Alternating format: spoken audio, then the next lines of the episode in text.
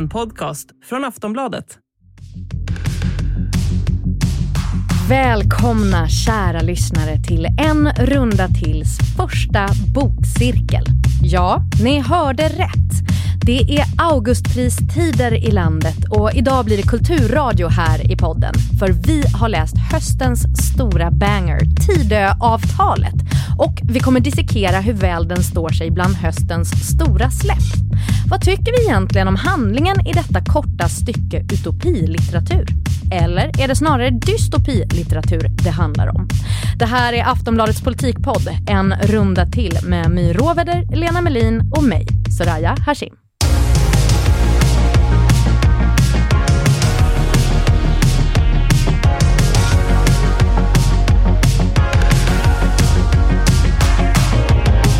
Lena och My, hej! Hej. Hej. Igår fick vi äntligen vår första partiledardebatt efter att Ulf Kristersson blivit statsminister. För den av våra lyssnare som inte satt hela förmiddagen och eftermiddagen och tittade på SVT Forum och hängde med i varje sväng, eh, missade man någonting från den här debatten? Jimmie Åkesson sa efteråt att den, den var trevande. Jag måste säga att jag tycker det var väldigt träffande. Ja, men jag tycker att det enda man kan ta ut ett klipp om man vill ha lite fart, det var ju att Ebba Busch och Magdalena Andersson fortfarande inte verkar ha kommit över det där bråket på toaletten under valrörelsen. Ja men det var lite tjafsigt, de tjafsade om vems ton som var värst. Ja det typ. spillde över igen. Jag tyckte jag får se hur länge det håller. Det var mycket dissar. Två långsinta personer visade sig vara i alla fall. Mm. Vi tackar dem för det. I andra sammanhang så kan ett raljant tonläge användas för att dölja en osäkerhet. Ja, vad ska man säga när Ebba Busch talar om tonläge i debatten i förhållande till mig? Idag ska vi idka kultur här i podden. I veckan har nämligen kulturministern Parisa Liljestrand tröskats runt i diverse nyhetsstudios och fått svara på vad hon egentligen tycker ska ingå i en kulturkanon. Vi fick absolut inget svar på den frågan, men jag vill ändå dra mitt strå till stacken av förslag på böcker som kanske kan ingå. Därför ska vi bokcirkla idag om höstens kanske mest omdebatterade litteratur, nämligen Tidöavtalet. alltså den överenskommelse som presenterades av Moderaterna, Kristdemokraterna, Liberalerna och Sverigedemokraterna för två veckor sedan. Det här är en 62 sidor lång bok uppdelad i sju kapitel och en prolog.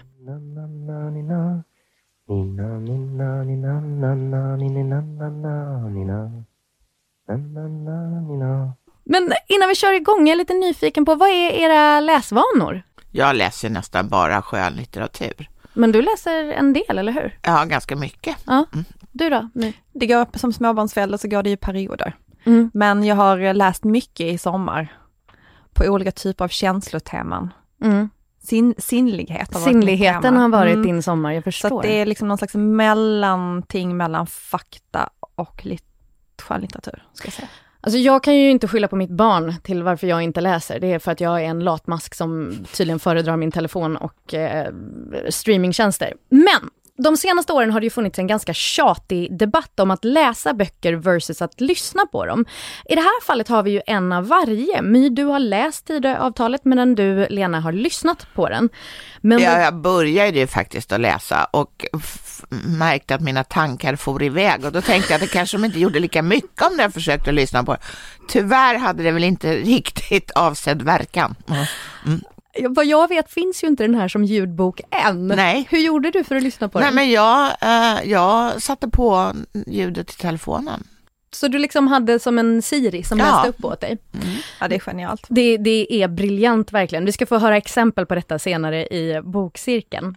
Det är briljant, verkligen. Innan vi går in på bokens själva innehåll, i vilken setting har det passat er bäst att läsa eller lyssna på Tidöavtalet? Är det liksom mörk choklad och vin? Är det höstpromenad? När man, När man ska prygla sig själv. När man inte är väldigt trött.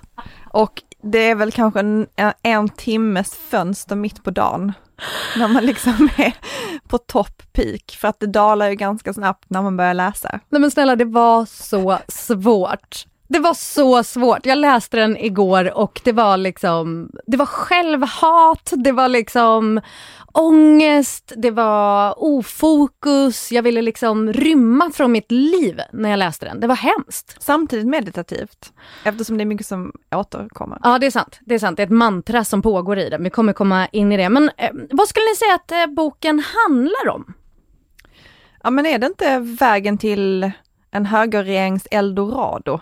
Det är ju många faror som lurar på vägen, men om man följer den här rätta vägen så kommer den där staden i guld att dyka upp på slutet. Det kan ta lång tid, det kan bli värre innan man kommer dit, men den staden i guld, den finns där borta. Det är som en karta med streckad linje och så ett kryss längst bort. Lite så. Jag förstår. Och vilken genre skulle ni placera den? Ja, jag skulle absolut sätta den i genren som, av de som, grejer som snabbt kommer på reahyllan. Och det är ju någon, eh, det är ju någon typ av fackbok, men kanske, men det är ju inte någon, en plädering för någonting, utan det är ju en ehm, Alltså det är ju inte så att det, det, man kan se det som ett debattinlägg, utan det är ju liksom en, en rad politiska förslag som har körts rakt ner i en köttkvarn och ut kom det här. Det kom också ut i lite olika typsnitt, ja. i lite olika format. Lite olika storlekar på texten, ja. absolut. Men det kanske är för att man ska hålla...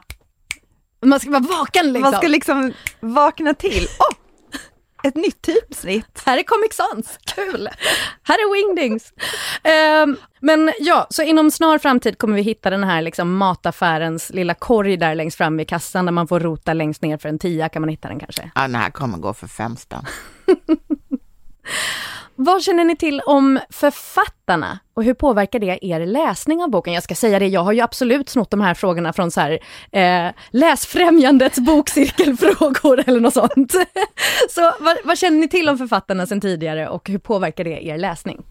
Men författarna är högre, till stor del anonyma därför att man anar ju när man läser den här eh, sörjan att eh, det är ett kollektiv som har författat det hela. Men det finns ju några dirigenter och det är ju partiledarna mm. på, för de här fyra partierna, alltså eh, Ulf Kristersson, eh, Ebba Busch, Johan Persson och, och uh, Jimmie Åkesson. För jag, jag, tänker generellt spökskriveri är ju inte ett lätt jobb. Du ska ju få fram någon annans röst. Och här är det då fyra röster som ska fram. Märker man vilken som är vems röst?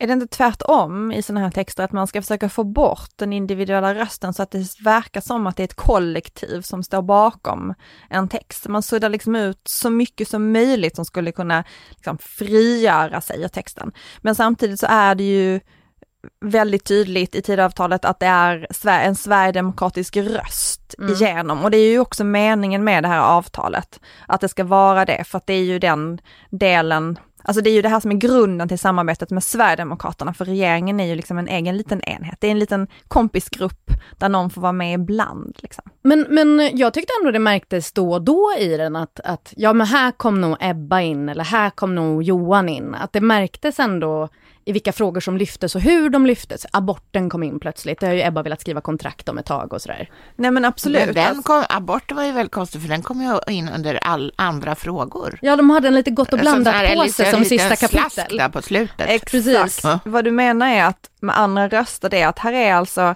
ska vi säga, 60 sidor med eh, avtal med Sverigedemokraterna och sen så här på slutet så är det tre sidor där Liberalerna fått skriva saker som de vill under, under allmänt. Det är public service. Por favor. Direktiv andra samarbetsfrågor. Eh, public service, rättighetsskydd för abort, kulturpolitiken ska värna kulturlivets oberoende, bland annat. Eh, tjänstemannaansvar, eh, vad ska man mer?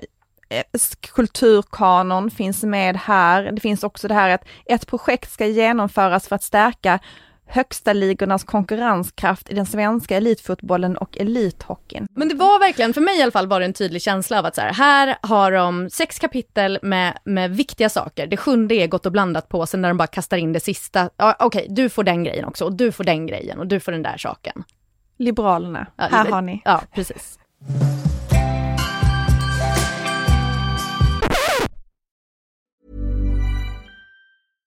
Hey, I'm Ryan Reynolds. At Mint Mobile, we like to do the opposite of what Big Wireless does. They charge you a lot we charge you a little. So naturally, when they announced they'd be raising their prices due to inflation, we decided to deflate our prices due to not hating you. That's right. We're cutting the price of Mint Unlimited from $30 a month to just $15 a month. Give it a try at mintmobile.com slash switch. $45 upfront for three months plus taxes and fees. Promo rate for new customers for limited time. Unlimited more than 40 gigabytes per month. Slows. Full terms at mintmobile.com. Är författaren konsekvent i sin stil eller mer experimentell? Experimentell är väl kanske inte vad man skulle säga, eh, kalla det här för, men det är bitar. Varje kapitel inleds med liksom en, en, en- en berättelse om hur samarbetet ska gå till. Och det är nog det mest byråkratiska jag läst i hela mitt liv. Eh, Det, det, det liksom fullständigt knottrar sig i, på, i järnbarken när man, när man tar del av det där. Om vi går in på budskapet då. Vad är författarnas viktigaste budskap? Alltså jag skulle vilja säga att all, eh, det viktigaste budskapet är att i stort sett allting är fel. Eh, eh, och eh, sen så kommer en massa åtgärder då som ska ge- genomföras, men man vet inte om det blir bättre, för det finns nämligen inget ljus i tunneln i den här boken. Nej. Det är liksom inget lyckligt slut. Ja men det är ju en värld som består av hårdare straff, Ja. svårare för icke-medborgare och I- svårare att söka asyl och mycket kärnkraft och en liten kulturkanon som grädde på moset. Det finns ju väldigt många utredningar i den här texten. Mm. Och om man skulle ut, översätta utredning då till kanske förhoppning Mm. i ett vanligt språk, eh, så finns det då väldigt många förhoppningar om att ändra vissa saker. Och det som är intressant och öppet för tolkning om man skulle läsa den här texten utifrån en bo- bokcirkel, det är väl att från den ena sidan så är förhoppningen att utredningarna ska liksom vara exakt det man gick in i. När man säger så här, vi ska utreda om bla bla och så hoppas man att det ska bli det. Mm. Eh, och från det andra hållet så hoppas man att de här för utredningen då ska leda till någonting annat än det man har lagt in i avtalet. Så om jag skulle beskriva det liksom eh, så skulle jag kanske beskriva det som att man hoppas att det ska vara en metamorfos från en SD-larv till en liberal fjäril. Wow!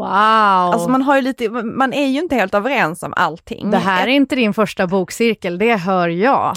Till exempel, om man bara skulle ta ett exempel, så är till exempel det här med ett nationellt tiggeriförbud. Ja. Alltså det finns ju saker här som Liberalerna egentligen inte vill och deras förhoppning är ju att de här, den här hårda SD-politiken ska gå in i det här utredningsväsendet med förhoppningen att det kommer ut som en liksom, För då kommer de sitta förändrad sak och blir liksom den här liberala fjärilen. Ja, för då kommer de ju sitta där och utreda och så kanske de ser just det här förslaget kanske inte funkar på grund av alla de här olika orsakerna. Du vet, lagar, regler, konventioner.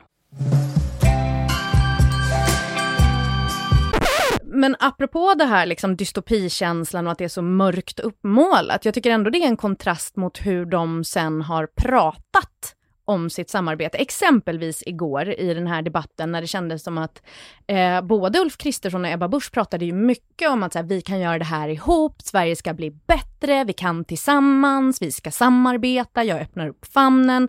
Alltså det är ju ett helt annat språk i det talade om hur författarna pratar om sin bok än vad man faktiskt läser när man sitter där med den här luntan. Ja, fast det var ju ändå inte så att man fick veta på vilket sätt, hur, hur blev Sverige bättre? Det, det, det måste, alltså att målsättningen för hela arbetet saknas. Mm, mm. Vilka återkommande teman tycker ni att boken har? Jag skulle vilja påpeka en grej som kanske inte direkt har med teman att göra, men jag tycker att det är väldigt besvärande att det rör sig från ganska eh, petitessartade saker till otroligt stora eh, omvälvningar. Och den, om man tar det, omvälv, en omvälvning som, som de här partierna vill göra, det handlar ju det om vården till exempel. Där, där eh, eh, jättemycket ska utredas och eh, enligt, enligt det här Tidöavtalet, enligt boken. Mm, och det ska eh, bli bättre, förhoppningsvis bli bättre, fast det fram, framgår inte riktigt heller. Eh, men, men alltså som går då går ut på att man he, helt enkelt förstatligar, centraliserar mycket av vården, men också decentraliserar därför att primärvården ska eh, få byggas ut och få större befogenheter. Men Sen kommer det liksom på någon annan sida. Ja, tillväxten ska, i Sverige ska öka genom att barnen får ett fritidskort. Ja, där hängde inte jag riktigt med. Där måste Nej. jag ha zonat ut. Ja, alltså jag zoomar ut. Det behöver, jag, jag, Du, du behöver inte zooma ut för att inte förstå. Nej. Ah, ni förstår inte heller? Nej. Vad tror vi att de menar då? Någon, något, något kort som barn ska ha på sin fritid, det ska öka tillväxten. Men hur? I don't know. Det är, ju må- det är ju många anteckningar hur i marginalen. Hur? Ja, du har skrivit det? Ja. Hundöron och hur? Frågetecken. Vilka? Tycker ni verkligheten speglas i den här texten? Alltså fullt så uselt som det framstår, det är ju inte Sverige, men, men, men det tycker inte jag behöver ligga författarna till last. Nej. För att det politiken är ju ändå en, en, en, vitsen med den är så att säga att den är en felfrinnad bransch och ska förbättra saker och ting. Så egentligen så, så, så, så tycker inte jag att det gör så mycket. Jag, jag kan tänka mig att om det vore skönlitteratur så gjorde det ingenting, men eftersom det någonstans ska ligga i någon typ av faktagenre kanske, eller? Så... Det, så det här är inte en faktagenre. Politiken är ju inte en faktagenre egentligen. nej, nu tänker jag ju fel igen. Det Jag tänker ju att politiker ska tala sanning. någon slags känslogenre. Ja. Nej men det handlar ju om förhoppningar och målbilder, Mm. inte vad liksom exakt hur saker och ting är, utan det här handlar ju om förändring. Det är ju liksom, temat är ju förändring. Vi ska förändra Sverige, det ska bli ett nytt, en ny plats. Det ska inte bli precis som Lena sa, det här mörka Sverige, det ska ju bli någonting nytt. Eh, och, Fast den innehåller ju en hel del påståenden ändå om hur det är. Alltså exempelvis eh, en grej som fastnade med mig när jag läste handlade om eh, problem med extremism och islamism i eh, konfessionella skolor, liksom friskolor. Eh, där, där påstår man ju att det här är liksom ett utbrett problem som vi måste göra någonting åt. Det är möjligt att det är det, jag, jag vet inte, men, men eh, där finns ju ett tydligt påstående om hur vi har det. Liksom. Alltså det är ju, eh, att det är ett stort problem, eh, det finns det ju ingen bevis för. Att det har förekommit problem, Mm, det är ju däremot ett faktum. mm. Men, Men det är ju samtidigt, typ i enskilda, någon en, ett, en eller ett par enskilda skolor. men jag tycker ändå det är intressant att de riktar in sig på vissa saker, för i en sån text hade man exempelvis också kunnat prata om eh, religiösa friskolor med annan religiös inriktning också, där det också har funnits problem, men det nämns ju inte överhuvudtaget. Nej men det är ju för att grunden till det här är ju att Sverigedemokraterna ska få igenom sin politik. Mm. Och den där punkten är ju rakt av en sverigedemokratisk eh, fråga Mm. som de ju har presenterat. De, jag skulle säga att de nästan bröt ny mark när de bestämde sig för att säga så här, det är bara muslimska skolor som vi vill reglera. Det är bara de vi ser ett problem med. Mm. Så att det är ju klart att det är ju därför som det står sådär, för att det är den sverigedemokratiska politiken som har slagit igenom och det är ju faktiskt det mesta i det här Tidöavtalet är ju det. Eh, Men som jag, som jag sa att det handlar ju om att det är för att det är de, de, det här är Sverigedemokraternas chans att få genomslag eftersom de inte sitter i regeringen. Så att på ett sätt är det kanske inte konstigt att grund, grunden är deras politik i Nej. det här. Sen så kanske man, sen kan man ju diskutera om man tycker att de har fått för stort inflytande eller för litet inflytande. Men grunden är ju att de har velat ha inflytande i migration och i, i liksom brottsbekämpning och i gängkriminaliteten, eh, bekämpningen av det. Så, att, så det är ju därför det, det handlar ju nästan bara om det. Alltså, men den, så den här punkten är inte konstig, den är ju en sverigedemokratisk punkt rakt av. Jag har ju bett er ta med er varsin del ur boken som ni vill lyfta. Vi kan väl börja med dig My. Du ska få läsa en liten snutt. Jag bläddrar fram. Jag har valt den här delen för att, inte politiken, men att det kommer att bli intressant att se vart det här landar de närmsta fyra åren. Det finns redan utmaningar i just den här delen eh, och den har, vad ska man säga, en mer mänsklig kvalitet än kanske mycket av den övriga texten. Nu lutar vi oss tillbaka. Jag läser. Den finns i det första kapitlet, Överenskommelse för Sverige. Samarbetspartierna bidrar till ett gott samarbetsklimat genom att uppträda med värdighet och tala respektfullt om varandras centrala företrädare. Eventuell offentlig diskussion utifrån meningsskiljaktigheter i sakfrågor mellan samarbetspartierna ska emellertid bejakas som en naturlig del av den öppna demokratiska samhällsdebatten i ett fritt samhälle. Hur tolkar du det här? Jag tror att det finns vissa partier som är Mm. lite oroliga för att Sverigedemokraterna inte kommer att hantera den här samarbetsrollen Mm. så väl. Eftersom de har ju en identitet av ständigt utanförskap och den ständiga oppositionen. Också eh, ganska hård tonläge. Eh, Jag tyckte det var intressant att man fick tala illa om alla utom de framträdande företrädarna. Han visen verkar skit. Det- Så får man säga.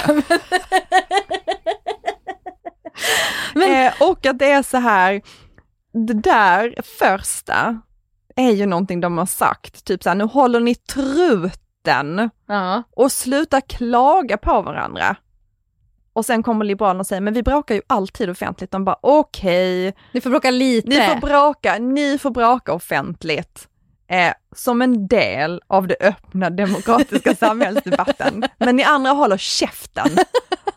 Men det här är ju lite så här förskolepedagog-grej. Man ska vara snäll men det är bra att diskutera.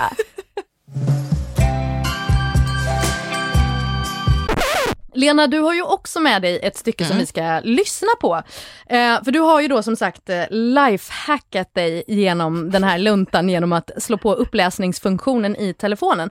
Så man kan ju säga att eh, ljudboksversionen av Tidöavtalet är uppläst av Siri. Ja, Och det ska vi höra nu. Det här är... hon gör det inte så jättebra. det är bara att sänka förväntningarna innan ljudet kommer. Gör det, jag har lyssnat på detta. Det är grovt. Håll i er. Samarbetsprojekten bereder politiska frågor från ax till limpa, från problemanalys till genomförande av reformförslag. Inom ramen för projekten genomförs beredningsprocesserna i sin helhet avseende exempelvis utredningsdirektiv, propositioner till riksdagen, förordningsändringar som följer av ny lagstiftning, EU, ärenden som påverkar de frågor som samarbetsprojektet Lena, hur mycket av det omfattar, här liksom gick in i dig? Nej, men jag fick ju backa oerhört mycket, det ska erkännas. Och jag fick också hålla koll på vad jag, alltså i, på själva eh, textmaterialet så att jag kom ihåg vad jag, vad jag hade börjat. Som jag hade börjat på, på, på sidan 44 så kunde det ju hända att jag efter ett tag kom på att nu har jag inte lyssnat på jättelänge så jag får backa till sidan 44. Så oerhört jobb du har Ja. lagt ner på det. Ja, ja, men jag, det, jag har ju fortfardy inte fastnat för alltid, så jag har ett långt jobb, jag har mycket jobb kvar kan jag säga. Jag, jag förstår Men det. annars så kan jag rekommendera det här tror jag till sån här tortyrkammare. Att man, om man kör det här på olika hastigheter kanske. Eh, Och, och, och, och den här typen av gallimatias så, så kan man nog komma ganska långt i sitt, sin psykiska tortyr. Åh, herregud. Men, Men det känns också så, så starkt du har blivit av att klara detta. Gått igenom den här passion. ja, det var som ett konstverk. Nej men det är otroligt. Okej, vad, vad är det du... Alltså, förlåt, hur många gånger har du lyssnat på den här boken? Jag måste bara fråga dig. Alltså, jag vet inte för jag har ju backat och backat och hit och dit. Och eh, så att det är väldigt många gånger. Men jag måste erkänna att just det här avsnittet har jag då börjat hoppa över. Ja, för det här Eh, återkommer ja. jättemånga gånger. I Ja. början av varje kapitel Ja. så kommer den här och den är lång. Den var i alla fall två sidor lång liksom. Men vad tycker du det här illustrerar? Det här repetitiva som kommer om och om igen. Ja, alltså jag förstår ju inte att de måste säga det här överhuvudtaget, för vad de talar om i det här det är ju att de ska eh, göra det som man gör på regeringskansliet och i, och, och, i, sitt, i det arbete som utförs där tillsammans med, med riksdagen i förekommande fall. Ja, för det Så- den säger i princip är ju så här, det här är tågordningen. Ja. Be- besluten går till på det här sättet, om det inte funkar där, då går det över till den här gruppen som gör si och så. Alltså, det är egentligen en, en ordning av hur saker och ting ska gå till, som är två sidor lång, som är med i början av varje kapitel. Ja, och, och det, det finns ett litet avsnitt eh, som inte var med här som handlar om vem som ska kommunicera också. Det kan vara vilket som helst av de här fyra partierna kan ni tänka er.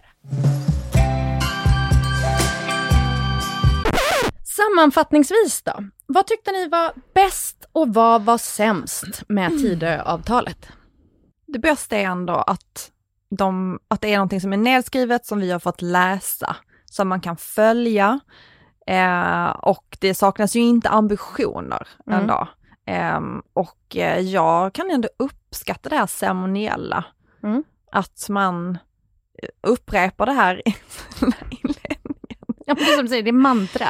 Ja men det är ju liksom, det är ju väldigt mycket ceremonier kring det här. Och det är ju en annan sak de vill införa förresten, en ceremoni kring medborgarskap. Ja, vad tyckte du var bäst? Ja, jag får väl jag får hålla med mig. Det är bra att, den, att vi har den, för vilka kan vi pricka av och se vad de har lyckats med och vad de inte har lyckats med. Mm. Så att det, på det sättet är det, det underlättar arbetet. På det sättet. Om, men jag funderar ju på att göra en punktlista istället. Mm. Men då måste du lyssna på den igen. Ja, och, ja det avskräcker. Vad var sämst tyckte du? Alltså hela, hela det här gro- groteska sättet att uttrycka sig tycker jag var fruktansvärt. Och det var på all, alltså i ur alla aspekter. Det är mycket, det är, ja man säger skitsnack. Vad säger Svor jag igen. Men menar du skitsnack om andra eller skitsnack som Nej, det är alltså- bullshit? Bullshit. Ja. Mm. Eh, My, vad tycker du var sämst med boken? Ja men det är väldigt svårtillgängligt och jag tycker också att eh, om man ska prata om så här saker man har läst som liknar det här tidigare så kan vi ta januariavtalet, det är nära i tid. Och det har ju fått mycket skit, men det var ju mycket mer överskådligt eftersom det var, precis som Lena sa, i punktform. Mm. Eh, och det var liksom lättare att se exakt vad är det för politik som det här innehåller. Och inte bara det här liksom skönmåleriet omkring och försöka liksom klä in det på olika sätt för att det ska bli så luddigt som möjligt. Så var det mycket rakare utskrivet där. Men finns det en poäng med att det är skrivet på ett sånt här luddigt, liksom labyrintigt sätt? Jag tror att mycket handlar om att de, ja men de, de tycker att det här är en otroligt stor sak, att de Det är inte för att de vill kollra Det bort? är någon slags högtidlighet. Ja, Jag tror att delvis är det väl högtidlighet och delvis är det också att ju luddigare någonting är, desto lättare är det ju liksom att jobba runt det. Och det måste man ju göra om man är fyra partier som samarbetar. Eh, och saker och ting kan förändras och saker och ting ska utredas, så behöver man ju ha en viss luddighet. Också för att journalister inte ska kunna säga så här, nu har ni misslyckats. Skulle just säga. Vem skulle ni rekommendera boken till? Ja men alla som verkligen, verkligen älskar och värnar byråkratisvenska. Orgasmiskt, orgasmisk text. Alltså jag skulle rekommendera Jag det till skulle L. säga sömn. Alla som värnar sin sömn. Förlåt Lena. Eh, Jag rekommenderar det till LL-rådet eller vad det kan heta som sköter det här med lättläst. Ja. Det är någonting att sätta tänderna i.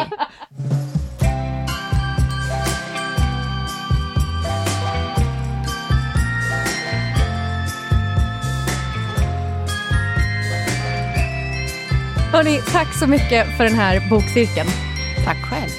Programmet är slut för idag och vi som är skyldiga till detta verk är producent Olivia Svensson, experter och bokcirklare My Råväder och Lena Melin och jag heter Soraya Hashim. Vi hörs nästa vecka.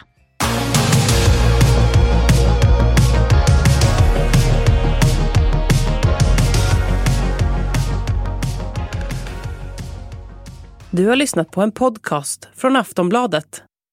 Ansvarig utgivare är Lena K Samuelsson.